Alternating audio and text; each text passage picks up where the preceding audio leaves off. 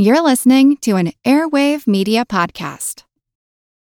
When you need mealtime inspiration, it's worth shopping Kroger, where you'll find over 30,000 mouthwatering choices that excite your inner foodie. And no matter what tasty choice you make, you'll enjoy our everyday low prices, plus extra ways to save, like digital coupons worth over $600 each week. You can also save up to $1 off per gallon at the pump with fuel points. More savings and more inspiring flavors make shopping Kroger worth it every time. Kroger, fresh for everyone. Fuel restrictions apply.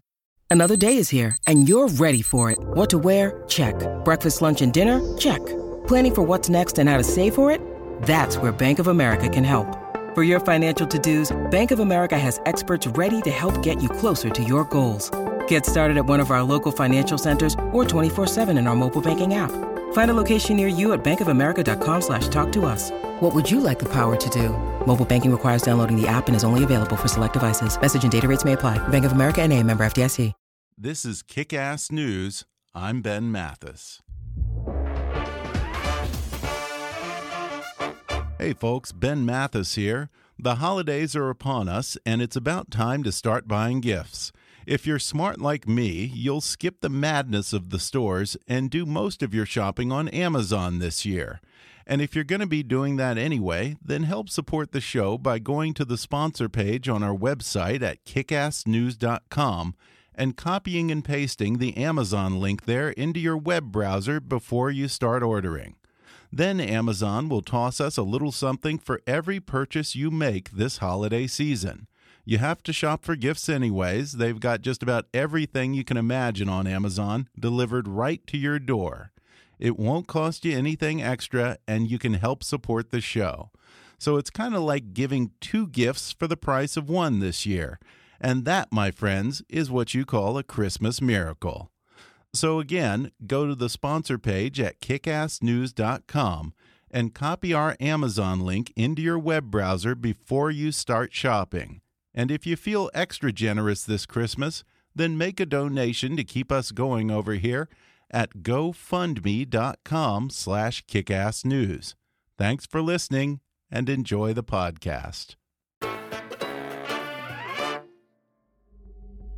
We had set out into the unknown. Explorers of a new world. I was part of the first mission. Mission control. We're looking at a red planet. A new hope for humanity. For as long as we've looked up at the night sky. Wonder. That is what we felt.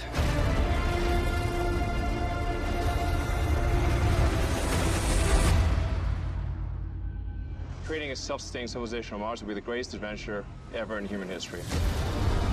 It would be so exciting to wake up in the morning and think that that's what's happening. With every discovery, Right now, we're becoming a multiplanetary species. with every hardship, I'm worried. I, I don't know about this. You had these people taking immense risks. We were taking a step forward for humankind.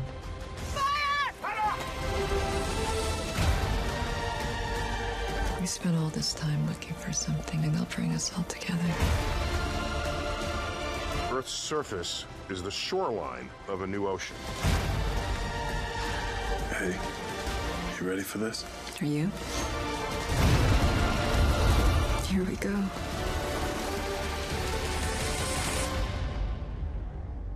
Hi, I'm Ben Mathis, and welcome to Kick Ass News.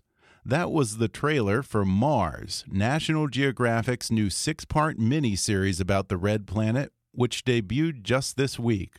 From executive producers Ron Howard and Brian Grazer, Mars combines dramatizations of the first manned voyage to Mars in the year 2033 with interviews with experts like Neil deGrasse Tyson and Elon Musk. National Geographic has published a beautiful companion book to the miniseries with lots of illustrations, maps, and a foreword by Ron Howard. It's called Mars Our Future on the Red Planet, and it's written by my guest today, Leonard David. He's an award winning space journalist who's been reporting on space activities for over 50 years now. Leonard is Space.com's Space Insider columnist, as well as a correspondent for Space News and a contributing writer for Aerospace America and other publications. Leonard is co author with Apollo 11's Buzz Aldrin of Mission to Mars My Vision for Space Exploration, as well as other books like Space Careers, Extreme Flight Rocket Science, and Chaos to Cosmos A Space Odyssey. Mr. David has been a consultant to NASA and served as Director of Research for the National Commission on Space. In 2015, he became the first recipient of the American Astronautical Society's Ordway Award for Sustained Excellence in Spaceflight History, and in 2010, he received the National Space Club Press Award. Today, Leonard David will elaborate on why we want to go to Mars, and he'll discuss the science behind Nat Geo's Mars miniseries, including how we'll get there, how long it may take, and how humans will survive the harsh environment of the red planet that includes, among other perils, very little oxygen or gravity, gale force winds, and cancer causing radiation.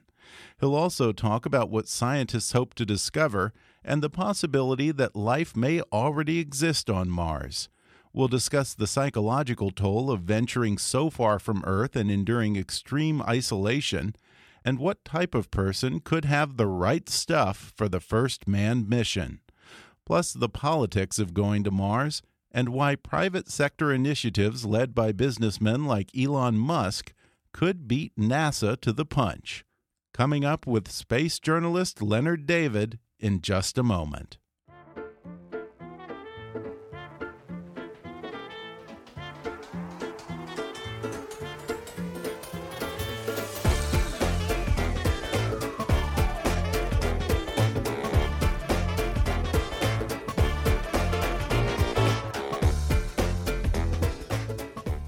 Leonard David is an award winning space journalist who's been reporting on space activities for over 50 years. He frequently contributes to the website space.com as their space insider columnist. He is the co author of Buzz Aldrin's Mission to Mars, and now he's written the companion book to National Geographic Channel's much anticipated six part miniseries about Mars, which premieres on Nat Geo November 14th. The book is called Mars Our Future on the Red Planet. Leonard David, thanks for sitting down with me. Thank you very much. We got a big future ahead of us, so I'm ready to go. Let's go. Yeah, this is exciting stuff, and I, I love the book. Uh, I know I wish I could show it to people because it has all kinds of great pictures and uh, maps and drawings of what it might be like if we actually went to Mars pretty exciting stuff. And you'll have to forgive me because I will be perhaps be playing uh, devil's advocate a little bit here. I guess the biggest question would be, you know, when we launched the Apollo mission, we were in a space race with the Soviet Union, and so much of our desire to go to the moon was pretty much about ego and winning. Absent that motive, why should we care about spending all this time and effort to go to Mars? Well, you're the devil in the details. that gets back to your first comment. I, I, there are a lot of devils in the detail. Yeah. And you know, I'm old enough now. I went through all of the Apollo landings. I, it was a great honor to write with Buzz Aldrin a book on Mars exploration. It's hard to remember for younger listeners that there was a space race. I mean, it was we were seriously talking yeah. about economic values of space exploration, the communists versus capitalism. I mean, I'm old enough now and I'm still standing to say that I saw Sputnik go overhead. And it was scary because nobody had ever seen an artificial satellite. Mm-hmm. And nobody knew what was in the artificial satellite. Right. Is it a bomb? Yeah. What are these people doing over there? Then they launched a dog. They launched Laika. Right. And they're launching dogs in space. Well, what are they doing? and it was a pretty good mystery because it's a very closed society, the Soviet Union back then. People were making up stories about what they were. You know, we. I well, yeah, there must have been a lot of curiosity about what was their end game. Why are they spending all this money to go yeah. into space? And, you, know? you know, and it's the communists are taking over outer space. Mm-hmm. I mean, it sounds corny today, but in that context of the times, yeah, we're talking very serious diplomatic issues, very much. Yeah. What is Eisenhower? You know, I grew up with Yeah. Eisenhower as a president. Like, you got to go flip through the history books. Oh, Eisenhower. uh, that's my president Yeah. when I came into this was Eisenhower. And what did we do about the space race? And then it, it went into the Kennedy era, which responded to that space race. Yeah. So then, since we don't have that competition aspect, I mean, I suppose to some extent we still do, but absent that, why do we want to go take it one step further, or, or many steps further, really, and go to Mars? What are, Well- what what are we getting out of this? Well, uh, you know, I, I'll challenge you on. We have multiple space races going on right now. Mhm. Pretty interesting. I do think there is a uh, world uh, global interest in Mars exploration because other countries want to answer the key question: Is there life on Mars? Mm-hmm. Is there life on Mars? if it wasn't there, you know, why didn't it take hold? Yeah. Was it there? It died off. Is it there now? These are great questions. Yeah. And I think that's a race of scientific caliber to answer that question. Multiple countries are trying to answer that question, not just the United States. Yeah. The other space race is entrepreneurial. It's like, hey, I'm a private business and I can get to Mars and I can help you out, NASA or other countries. And it's Elon Musk Yeah. or uh, Jeff Bezos or Virgin Galactic with Richard Branson. That's a private sector involvement in space. Mm-hmm. So there's a space race there. And then I think there's a bigger race that is back to the old days that we are showing leadership in space, NASA or the United States, compared to what China wants to do, compared to what Europe wants to do. Mm-hmm. So there is a still there are multiple space races today that Yeah. need closure. And from a writer's standpoint, a journalist, it's all fun. this is great. Yeah. well, yeah, and you know, like China, they're talking about going to the moon, which we did how many years ago now? 50 years ago. Uh, so we- you know, how- 1969, there has to be a bit of it that we're we're kind of showing off. We're, you know, okay, yeah, you guys go to the moon. We're going to focus on the on the big next step here. Yeah, and but believe me, uh, it's conceivable, and don't be surprised that NASA may be wrong. NASA may itself so? have gone on a track on Mars exploration, like we got to put people on Mars. Forget the moon. We've been there. We've done that. The moon has not been explored to the. Right. the nth degree that it Oh, should yeah. be. European Space Agency right now is discussing a moon village. Mm-hmm. They're going to try to consolidate all their uh, countries that are involved with the European Space Agency, many countries, to build a lunar outpost. And the private sector is looking at, hey, if they're going, hey, we can get into the polar caps of Mars of uh, the moon that have ice in them and actually make fuel. Mhm. Maybe we have depots that we commercial Right. products of using fuel Yeah. made on the moon to go to Mars. Well, yeah, because I know that some people have suggested that we would perhaps even use the moon as the launching point, not launch directly from Earth. Yeah, I, I think. Look, here's my my problem. I, I'm 70 next month. Uh, when I signed on to this space race checkpoint, here's where we're going: the moon. We're talking the late 50s. I'm signing up for the space program.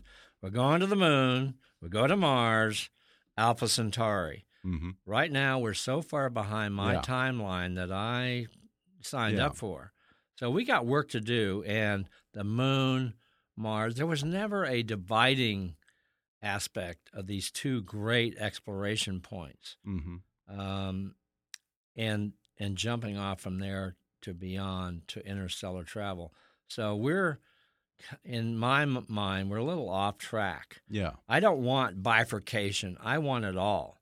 I want to know that as a kid, I was right. We got to Yeah. do everything, and not just the United States, but the entire global space program. And how much of the motive for us to get a foothold in Mars is the long term kind of insurance policy of what if a disaster happens and we had to relocate? Okay, uh, I think that's a really good point. I'm glad you brought it up. It, there is a kind of the easy toss out uh, slogan is we're going to be a multi planet species. Let's be a multi planet species. Okay, uh, that sounds great. And uh, I think you want to take ownership of the Earth and know how to operate Earth, and we don't do that very well right now. Yeah. Um, I think we're learning lessons about operating planet Earth that will have some implications for Mars. So I guess the the problem I have is that uh, getting to Mars is a possible um, way to feel comfortable that our species is going to survive. Okay. Now, let me tell you the catch 22 in this one. Well, it kind of leads us to treating this as a disposable planet, I guess. Yes. Huh? I think, you know, we have the potential to be dinosaurs here. Mm-hmm. And it's sort of a cliche line, but if the dinosaurs had a space program, they'd still be around. okay. Now, one of the big catch 22s in this, and I, I, I'm, I'm deferring to uh, some other people that have sent me a lot of emails that I respect. This Planet Nine episode. Oh, right. My guess is that civilizations that are owners of their own solar system, like we're here on Earth, have a limited amount of time to get out of town huh. because these kind of perturbations on the outside of our solar system, like the Oort cloud, you're going to have a cascading function of some other planet or other star mm-hmm. coming by to cascade in lots of material that sterilizes all the planets. And wow. We're, we're up for grabs. Okay. So, okay. Um, I don't want to make it sound apocalypse now. This could happen way in the future, but I, I, I, my guts tell me, and I've been reporting a lot, a lot of things over a lot of time. My guts tell me we got to watch this outer Yeah. planet stuff Yeah. that could actually perturb the the eco balance of our solar system. Yeah. Well, you know, the mini series and the book, Mars, envision how we would actually go about this potentially. How would we get there, first of all? What are we talking about? Political will and leadership. Well, I'm I talking know you want technology. before I even get there. Yeah. no, I think Yeah. I think the technologies are sitting Right. there. We're ha- we have launch vehicles. We've already gotten to Mars. It's not Right. like a mystery thing. Right. We know how to land things on Mars. We know how to crash things on Mars. Yeah. We know how to uh, uh, be mobile on Mars with rovers. And so, you know, right now we have a one ton rover Mhm. that landed in August of 2012, the Curiosity rover, nuclear powered. It's doing its thing. And guess what? After landing on Mars in 2012, it has driven, stand by for the drum roll, nine miles. and that's some mileage, but that's not enough mileage because if you're going to explore a planet that exciting and that, Yeah. uh, there's mysteries to be had Yeah. there.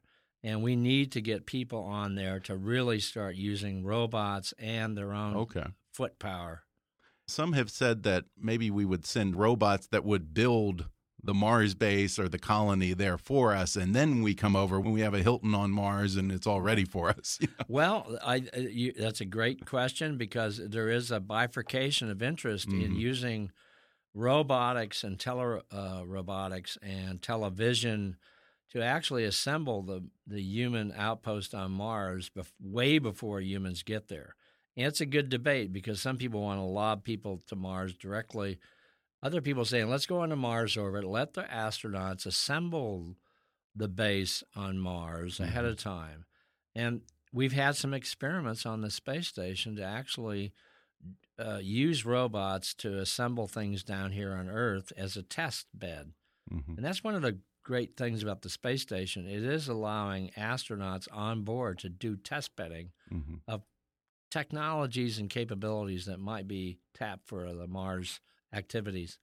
But you're on a good roll How, there. how long is the journey to Mars right now, or how long would it be at the point that we're talking about with this mini series in this book, which is, I guess, in the 2030s? You know, yeah, they in the book, uh, you know, everybody kind of focuses on the 2030s, mid 2030s.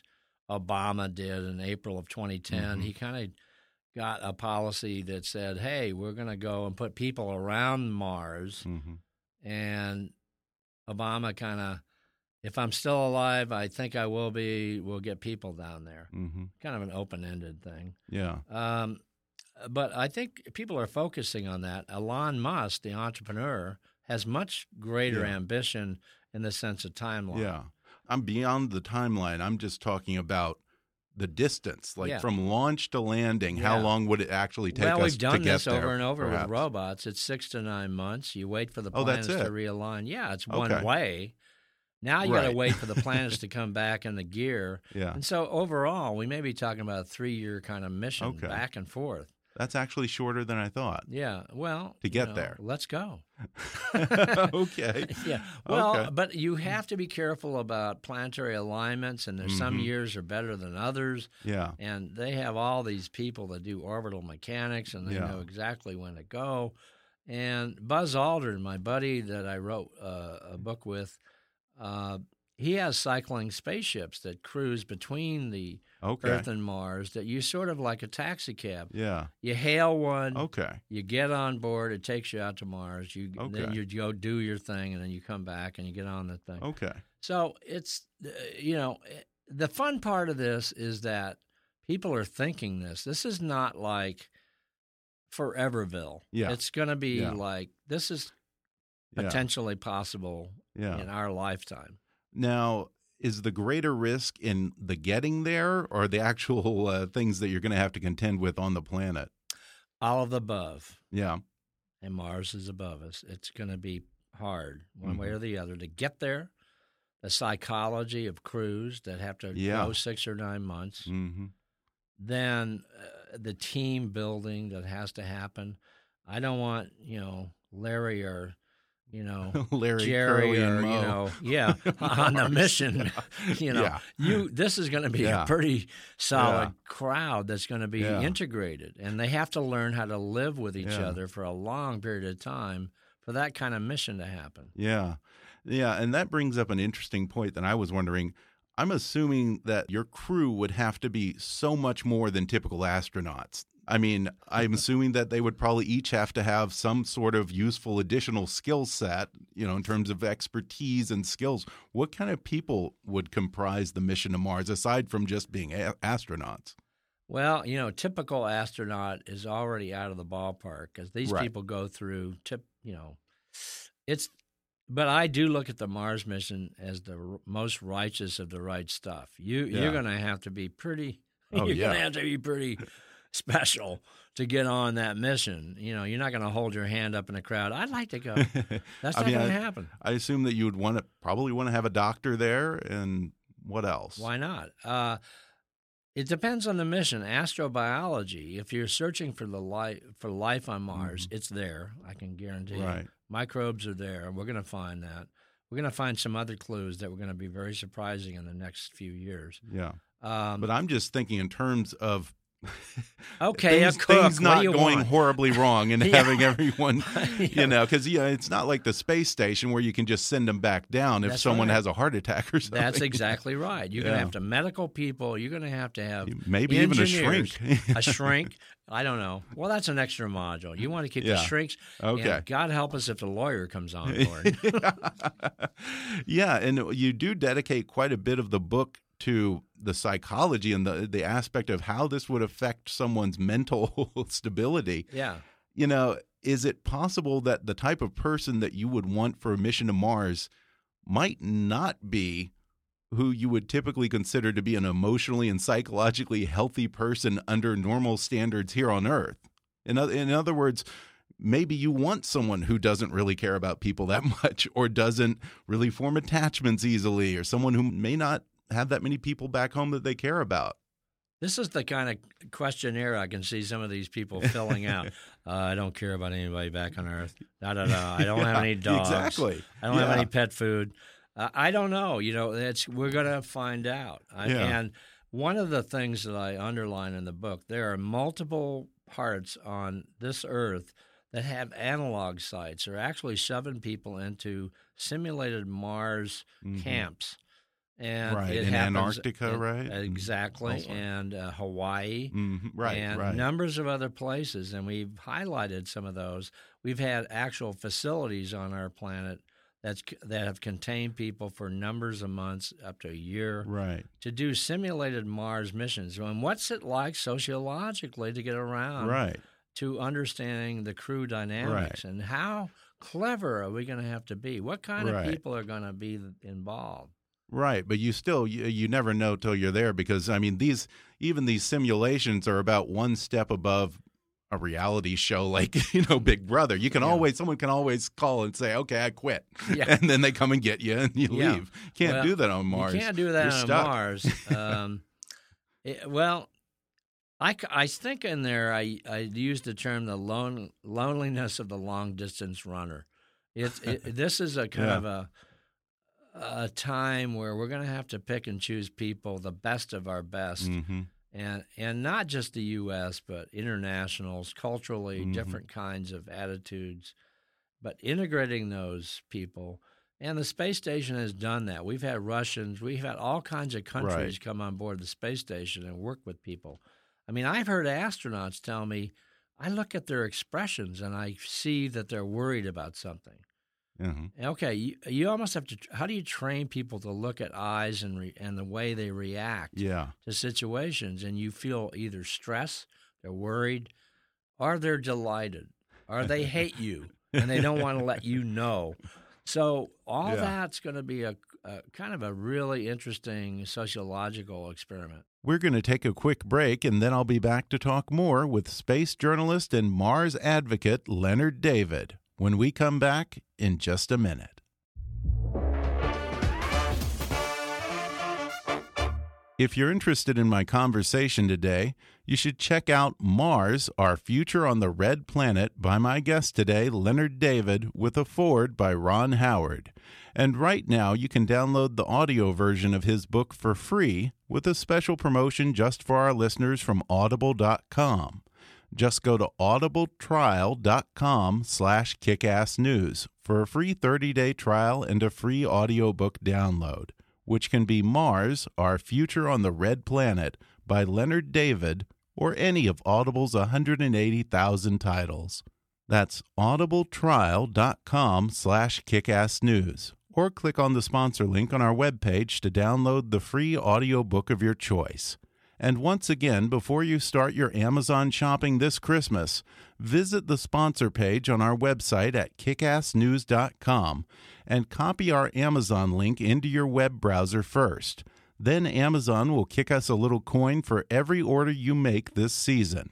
Thanks for your continued encouragement and support. And now back to the show. I keep thinking about kind of the interpersonal dynamics and the I guess you could call it the in the office politics of a Yeah. Mars colony. Yeah. I mean, would it be a, tyranny of the majority where everyone gets a vote, or does the captain make the tough decisions, or you know, when there's a dispute, do they do they call mission control and the the internal politics of a, of a Mars base would I be just, like? I just thought of this. I think you've decided that one of the modules will have a water cooler in it, and we'll all sit around and go. debate this stuff. Yeah. Uh, you, uh, Harry, the commander, he's, I think he's lost it. I think we we got to turn back now. This is not going to work. yeah, exactly. I mean, I don't know. It's like I if you have a dispute, would mission control be the tiebreaker? Yeah. we, they call back and or to be serious about this, I mean, a mission to Mars is fraught with peril. yeah, And, you know, the first crew could have a death on watch, right. and demoralizing the crew is like, this is too hard. We've lost one of our crew members. Yeah. And I mean, it's, it sounds like sci fi, and we're going to Yeah. get But I think everybody worries about those kind of situations. Oh, yeah. So I do. yeah, I you know I'm just uh, uh, uh you know you go first Yeah. and I'll come after you. Yeah. I mean, uh, yeah. yeah. There's issues there. I think that nihilism would be very dangerous on a on a, on a Mars base, where you know after a while, if people are so far removed from society and rules, and uh, you know maybe they don't really care. Maybe maybe they decide, well, I don't really want to work. I don't want to do any research today. I'm just going to sit and take a nap, or or they turn on each other. It's like Well, this sounds yeah. like we're going to a shopping mall or Walmart. I don't know. You know, we we Yeah. deal with uh, human interaction in so Right. many ways down Right. here.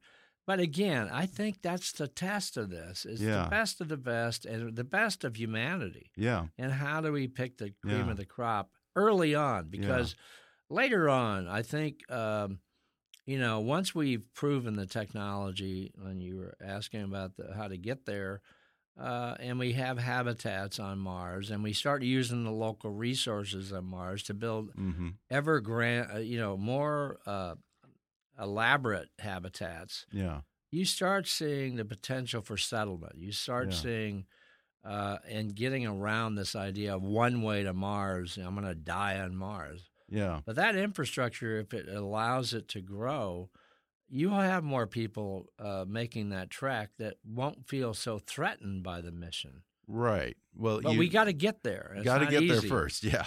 But you have water there. What other resources do you have that could be used so that you're not just constantly shipping in supplies? Every, you know, Exactly. That's a really important point, and we've got to cut the at some point the umbilical line between the Earth and Mars. Hmm. You have to live off the land, and Mhm. in the book, I really stress this whole attitude of we're not talking survival on Mars; we're talking thriving on Mars. And to do that, to do that, you have to use the local resources yeah, and uh, it's a it's plentiful. There's water ice. There's there's iron oxides in the soil. Also, a dangerous thing, perchlorate is a carpet on Mars that's pretty much pervasive. Dangerous stuff. People are working on or- how to use perchlorates. Okay. You know, you, we use perchlorate for fireworks on the Fourth of July. okay. So some people are going perchlorates. That's great. We can make fuel. We can go. We can. well, I guess off." luckily there's not a lot of oxygen then. Well, there's on the, Mars. the oxygen. You know, we we have domes on Mars. We create oxygen. We'll bring plants. I, Yeah. You know, I I just see it as some. The thing that's probably the oddest thing when I got done writing the book, it, it's a planet that has potential. And the thing that makes us feel strange about it is because it's 160 million miles. Mhm. You know, it's pretty far away. but but when you look at the pictures that Curiosity, the rover on Mars right now, is sending back, you get a sense. You know, I think I've been there. Hmm. I feel like it's Utah. I feel like it's Mhm. the Southwest. I feel like I see buttes. I see Yeah. canyons. I see water that's no longer there that carved immense features on Yeah. the planet. I see subsurface ice. And uh, I think the future is that we're going to, Mars is going to have a lot of aha moments for Mhm. us. I think it's going to be a, a planet that's going to give up its mysteries little by little. It's going to be tough. yeah. But I think we got some real surprises coming in the next few years. Is it a pretty hostile environment? Yeah. At least for the first people who go there? Mars is out to kill you at all times. uh, it's tough. The atmosphere is rough and it's thin. Ultraviolet coming in. yeah. Chlorides on the soil. Uh, Radiation, it sounds like, is one of the biggest tough. concerns, right? yeah, but you know, what I always, when I got done with that book, I always compared it to ocean exploration. Okay. Ooh, the earth is flat, the ships fall off, the sea serpents are out there, the whirlpools, scurvy comes in. These are all Yeah. the early makings of exploration. Right. And what do we do? We beat those odds. Right. And that's what's going to happen to Mars. To me, the Mm-hmm. microgravity today is almost the scurvy of space travel. It is the thing that we have to get around of bone loss, of Right. the way Muscle the human loss. body Yeah. reacts to space travel. Yeah. You create artificial gravity. Okay. Is Now that, we're is that something that we could possibly really do? Yes, we do, and we That's don't spend enough sci-fi? time and money. We we don't spend enough time and money on it, and it's going to be one of the uh, solutions to the Yeah. issue. I would think that's key. And it's key. And the other thing that's going to happen Mars is not going to be that far away in time Mhm. tra- uh, travel. Uh, distance and time because Okay. well the distance will be there but the time to get there will change Yeah. new propulsion systems are coming we're talking six to nine months to get there what if it's two weeks Okay.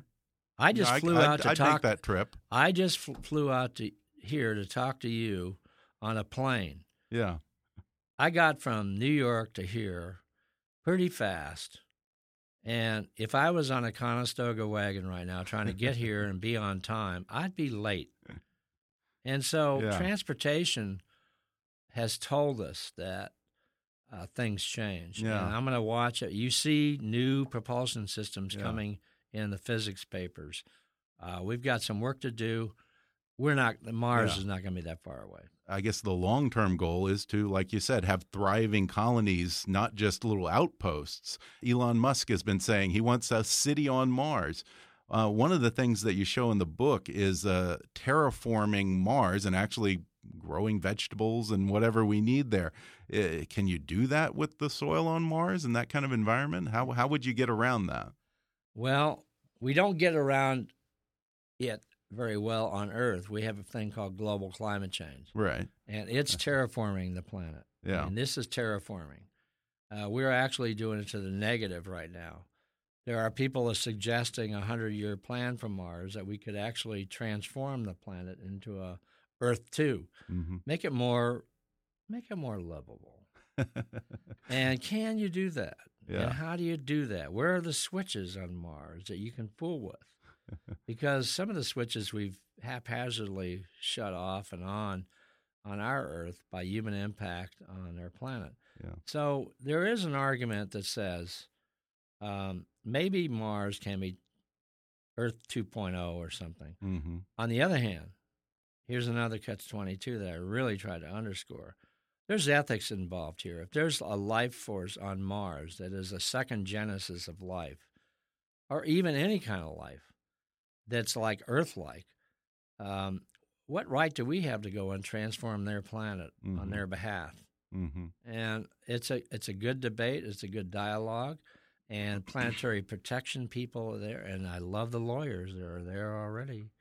they have some laws Yeah. uh, that are international laws about transforming a planet. So Yeah, I mean, if we land there first, do we? Is it ours, or, do, or does go. it, or does it belong to the world, to the universe? How? What have has anyone figured out some of the rules as to who has a right to Mars? I'm going to back up to the moon because that Mhm. issue is right now really rife. Yeah. uh, property rights on the moon. There are certain parts of the moon that seem to be really interesting for polar ice uh, buried in the craters. And who has the right is first come, first serve. Mhm. You know, uh, you have the entrepreneurs going, if I go and spend all that Yeah. money on my own dime, I Yeah. need the right to Yeah. mine Well, that's how it's always been, pretty much. I mean, other than I guess Antarctica is kind of the lone exception here on Earth. Okay, we've got some those rules. examples. Yeah. But even the Antarctica, if you really watch what's going on with national security and climate Mhm. change, Mm. People are getting worried about the Arctic resources, uh, Yeah. North and South Pole. Yeah. And we'll see how this plays out in the future. But that's, Yeah. you know, for a writer, oh, that's all good stuff. Oh yeah, yeah, yeah. A lot of questions, which Yeah. is fun for a writer, I'm sure. Yeah. Well, you say that uh, it may end up being a collaboration between countries like Europe, Russia, China, India, and of course us, uh, because it would make it technologically more feasible, and also be nice to have someone sharing the costs of that mission. Is that what we're looking at? That it probably won't be the U.S. going it alone on the first mission to Mars? It's hard to say. It's a it's a it's a one avenue of doing a, mission to Mars where you it's U.S. led. We're going to put our people Mhm. down there, run around, set up modules. We're we're we're the leader, you know. And but Mhm. I don't see that happening right now. India has an orbiter around Mars. Japan's Okay. uh, doing some great space exploration uh, activities. Russia's coming back into the vogue and doing their thing. China wants to put a rover Mhm. on Mars in 2020. There's multiple nations. The European Space Agency, as we talked about before, they want to put a, a village on on the moon as a stepping stone to get to Mars. Yeah. And so you have all those puzzle pieces flying. Yeah. And it's pretty and then you add Elon Musk, the entrepreneurs.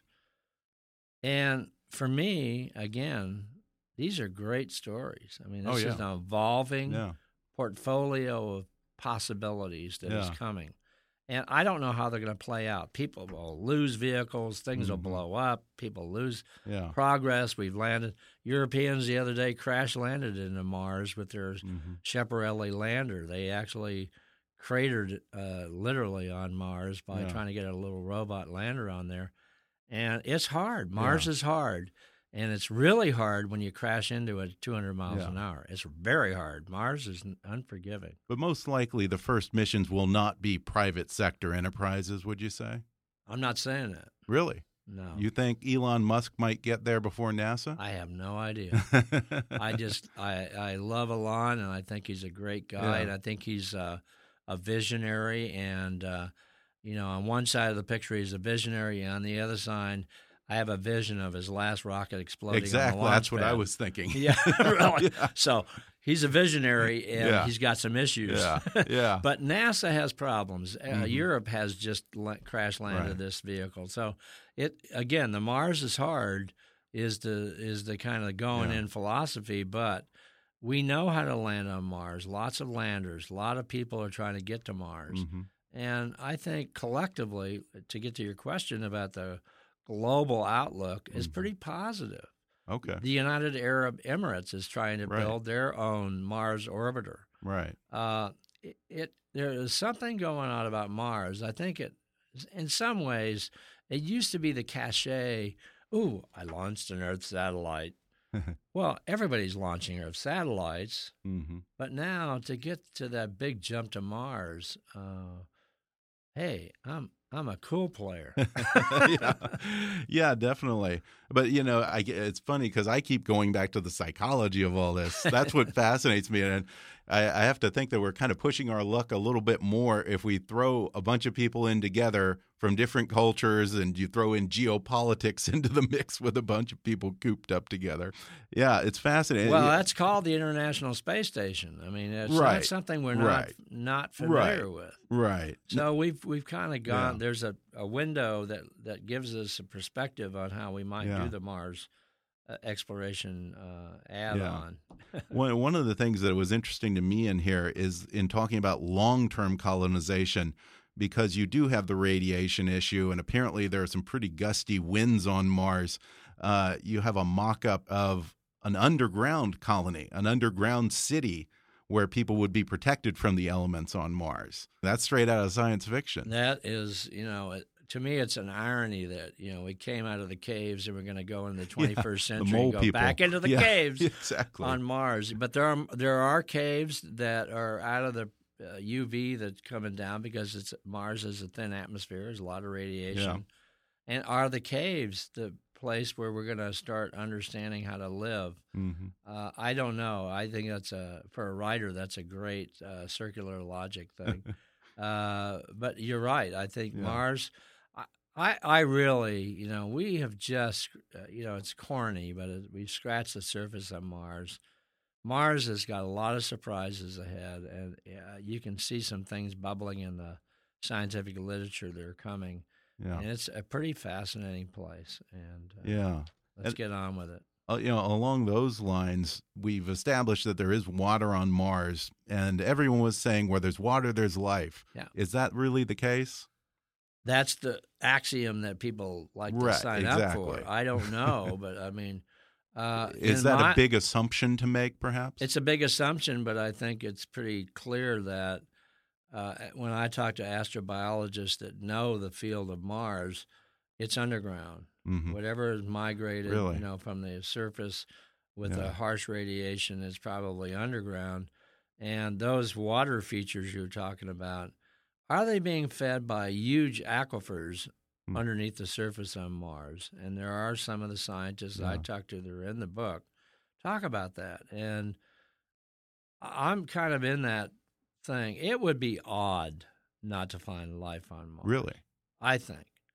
How It- odd? Oh, how becau- odd would it be to find life above, say, the microbial level on Mars? Uh, again, I think Mars has got some surprises. I'm not going to go off there, but I think Hopefully, all good ones. there could be all kinds of fossil evidence. and Uh, you know, you just don't know where we're Mhm. going. Yeah. Some of the literature that I'm aware of right now, and uh, th- those shoes are yet to drop. But uh, it just here on Earth, the extremophiles that we have found on our own planet suggest that life is tenacious. It Yeah. tries to find the damnedest places to Yeah. live. And some of those places that we have found life on Earth are very uh, creative ways to survive, much like on Mars. Yeah. And that's why I say it, it would, to me, be very odd that life on Mars does not exist. And I here I'll do something else. I don't think uh, I'm, I'm not even sure we haven't seen it already. We haven't recognized it yet. Hmm. I'm assuming we can't just land anywhere. Do we have an idea where we would want to land there? On a safe place. Mm, Right. yeah, yeah. First and foremost. Yeah, you want to be safe. You want to have. Uh, one of the things that happened to me in writing this book is that I was asked to write this book at a time, the very day I was at a, a meeting at the Lunar Planetary Institute in Houston, Texas, where they brought 200 or so scientists and asked them, "Hey, we're going to put a crew on Mars. Where should they go?" and you, we had there was 50 sites that were kind of picked. Oh, okay. So we have options. There are a lot of options, but right. when you hone those down, and we do this with the robotic landers. I've Mhm. gone to a lot of robotic lander mission uh, meetings where they actually ask people to present why should that rover go there? Why should it land over there? Yeah. And they start getting into really nitty gritty detail, and it it with the with the human missions on Mars, what you have is a exploration zone of about hundred kilometers or so, some circular thing. Okay. You want to land the people safely, Yeah. but you also want to get to a place that's scientific and uh, scientifically interesting. Um, it that it again is safe to land there, and then how do you rove to those edges of the exploration Mhm. zone? And more importantly, and this is really underscored in the book, you have to have access to resources on Mars, underground pockets of ice, uh, material that you, is embedded in the uh, upper crust of Mars that you may be able to abstract and make oxygen, make fuel, make something. Yeah. And because if we're just going to Mars to plant a flag, Yeah. salute the flag, pick up the rocks, A lot of hassle for that. it's a lot of hassle and a lot of money. Yeah. So the point is, you know, in the book, it really is important to realize we're in some kind of new exploration potential. Yeah. Not Apollo that you plant the flag. Right. The and also goal. not Apollo where in 1972 society forg forget the space program. We got Mhm. too many problems. We're cutting Mhm. us off. Yeah. And the last people to walk on the moon were Apollo 17 in December of 72. Well, this is perhaps a very basic level question, but I'm just personally curious. When looking up at the heavens from the vantage point of being on Mars, would it look different than the night sky here on Earth? Looks different to me from some of the robot pictures looking up. Yeah. Yeah, it looks definitely. What's different? Well, You can see the stars. Yeah, you can see still? stars Yeah. and you can see, but the Earth. This is one of the psychological aspects of being on Mars versus being on the moon. Uh-huh. I mean, Buzz Aldrin, when I wrote the book, I mean, the moon is right there. I mean, Right. it's like you're looking at it, and everybody he ever knew is on that Earth. Yeah. Now, think of people on Mars, where Mars is one here, then you have the sun in the middle, Mm-hmm. and you have the Earth on the other side of the sun. You're totally Yeah. out of view. Yeah. And some of the psychologists I talked to, uh, one is that exact term, Earth out of view. We Hmm. don't know what that does to people. The other thing is the overview effect. It happens Yeah. on Earth where astronauts look down on the Earth and they know everybody. Right. There's no borders and they get euphoric and they're hugging the planet and there's environmentalism going on. Yeah. That's fine. Yeah. But you're so far away where the Earth is a dot. Yeah. I mean, I'm friends with Buzz too, although he's in Florida now, so I haven't seen him lately. But I once asked him, I said, when you got to the moon, I think the distance is something like what, nine times the circumference of the Earth? You know, in the middle of the euphoria and the excitement of it, there must have been some part of him that was like, holy crap. yeah. I'm really far from home. Yeah. How the hell am I going to get back? Yeah. You know. Uh, before we wrap up, I just have to ask you. Okay, and I know I can't really ask this with your wife in the room. Your lovely wife is here, so I don't know if I can get an honest answer. But I'll rephrase it. I was going to say, do you want to go? But okay, let's say you were 29 and single. Would you want to go to Mars? Um, only if you go and tell me, send me some postcards and say, hey, the Oh, traveling's okay. fine. Okay, you want I'm- me to I'm be the guinea pig, huh? I'm not. That ain't happening. My wife does want to go. Yeah. Which I don't know what that means, but he's he's ready to go. Um, but I your think wait, would you, your wife does want to go, or she wants you to go? No, that may be a whole other situation. Yeah, I know there may be something there. I didn't hear the the answer very correctly. Maybe I don't know. Well, well, we should ask her. I, I see her. She's putting her, her finger up here. I think she has some input on this. I'd go one way. You would you would personally go one way. But we're late 60s, and I love him, and I Okay. believe him, but, but, you know, I can say that because Okay. Well, would you two go one way together? Or is that putting a lot on a marriage? That's putting a lot of pressure on me. I got bills to pay. I hear you. And also, I remember my mom a long time ago on the Apollo program. She's gone now, but she used to say, "The meek shall inherit the earth; the brave ones are going to the moon." Isn't that what Ralph Kramden used to say to his wife too? Is that where she picked I'm up? gonna send you to the Mount? moon, Yeah, really. well, uh, maybe she wants to send me to Mars, but uh, no, the opportunity is there, and uh, the curiosity is there. Mars is a metaphor for exploration, for scientific discovery, and for danger. Yeah. And this is not for the weak Yeah. of mind, weak of heart, but that's what we do as a Yeah. species, and this can happen. It's exciting stuff, and this was so much fun talking to you about this. Um, the National Geographic Channel's Mars mini series premieres on Nat Geo on November 14th, and your book is available now on Amazon and in bookstores. It's called Mars Our Future on the Red Planet. Leonard David, thanks for joining me. Great to be with you.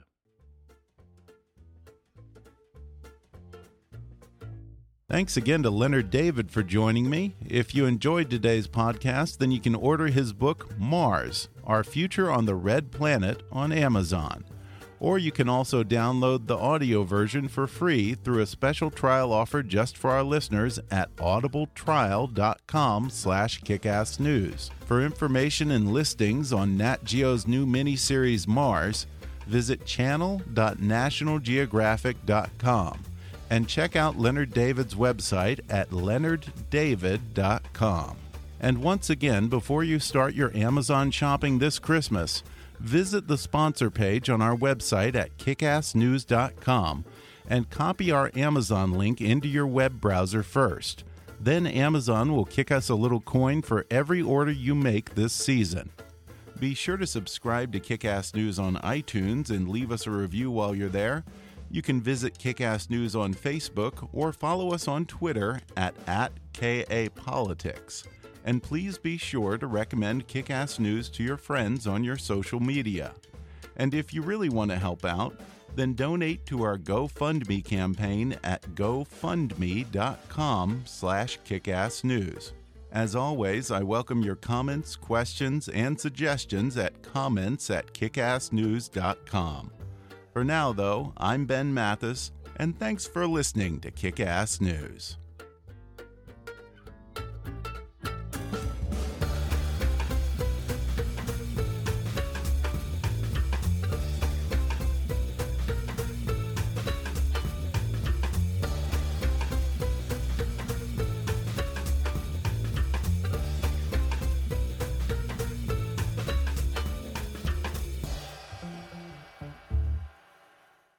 Kickass News is a trademark of Mathis Entertainment, Inc.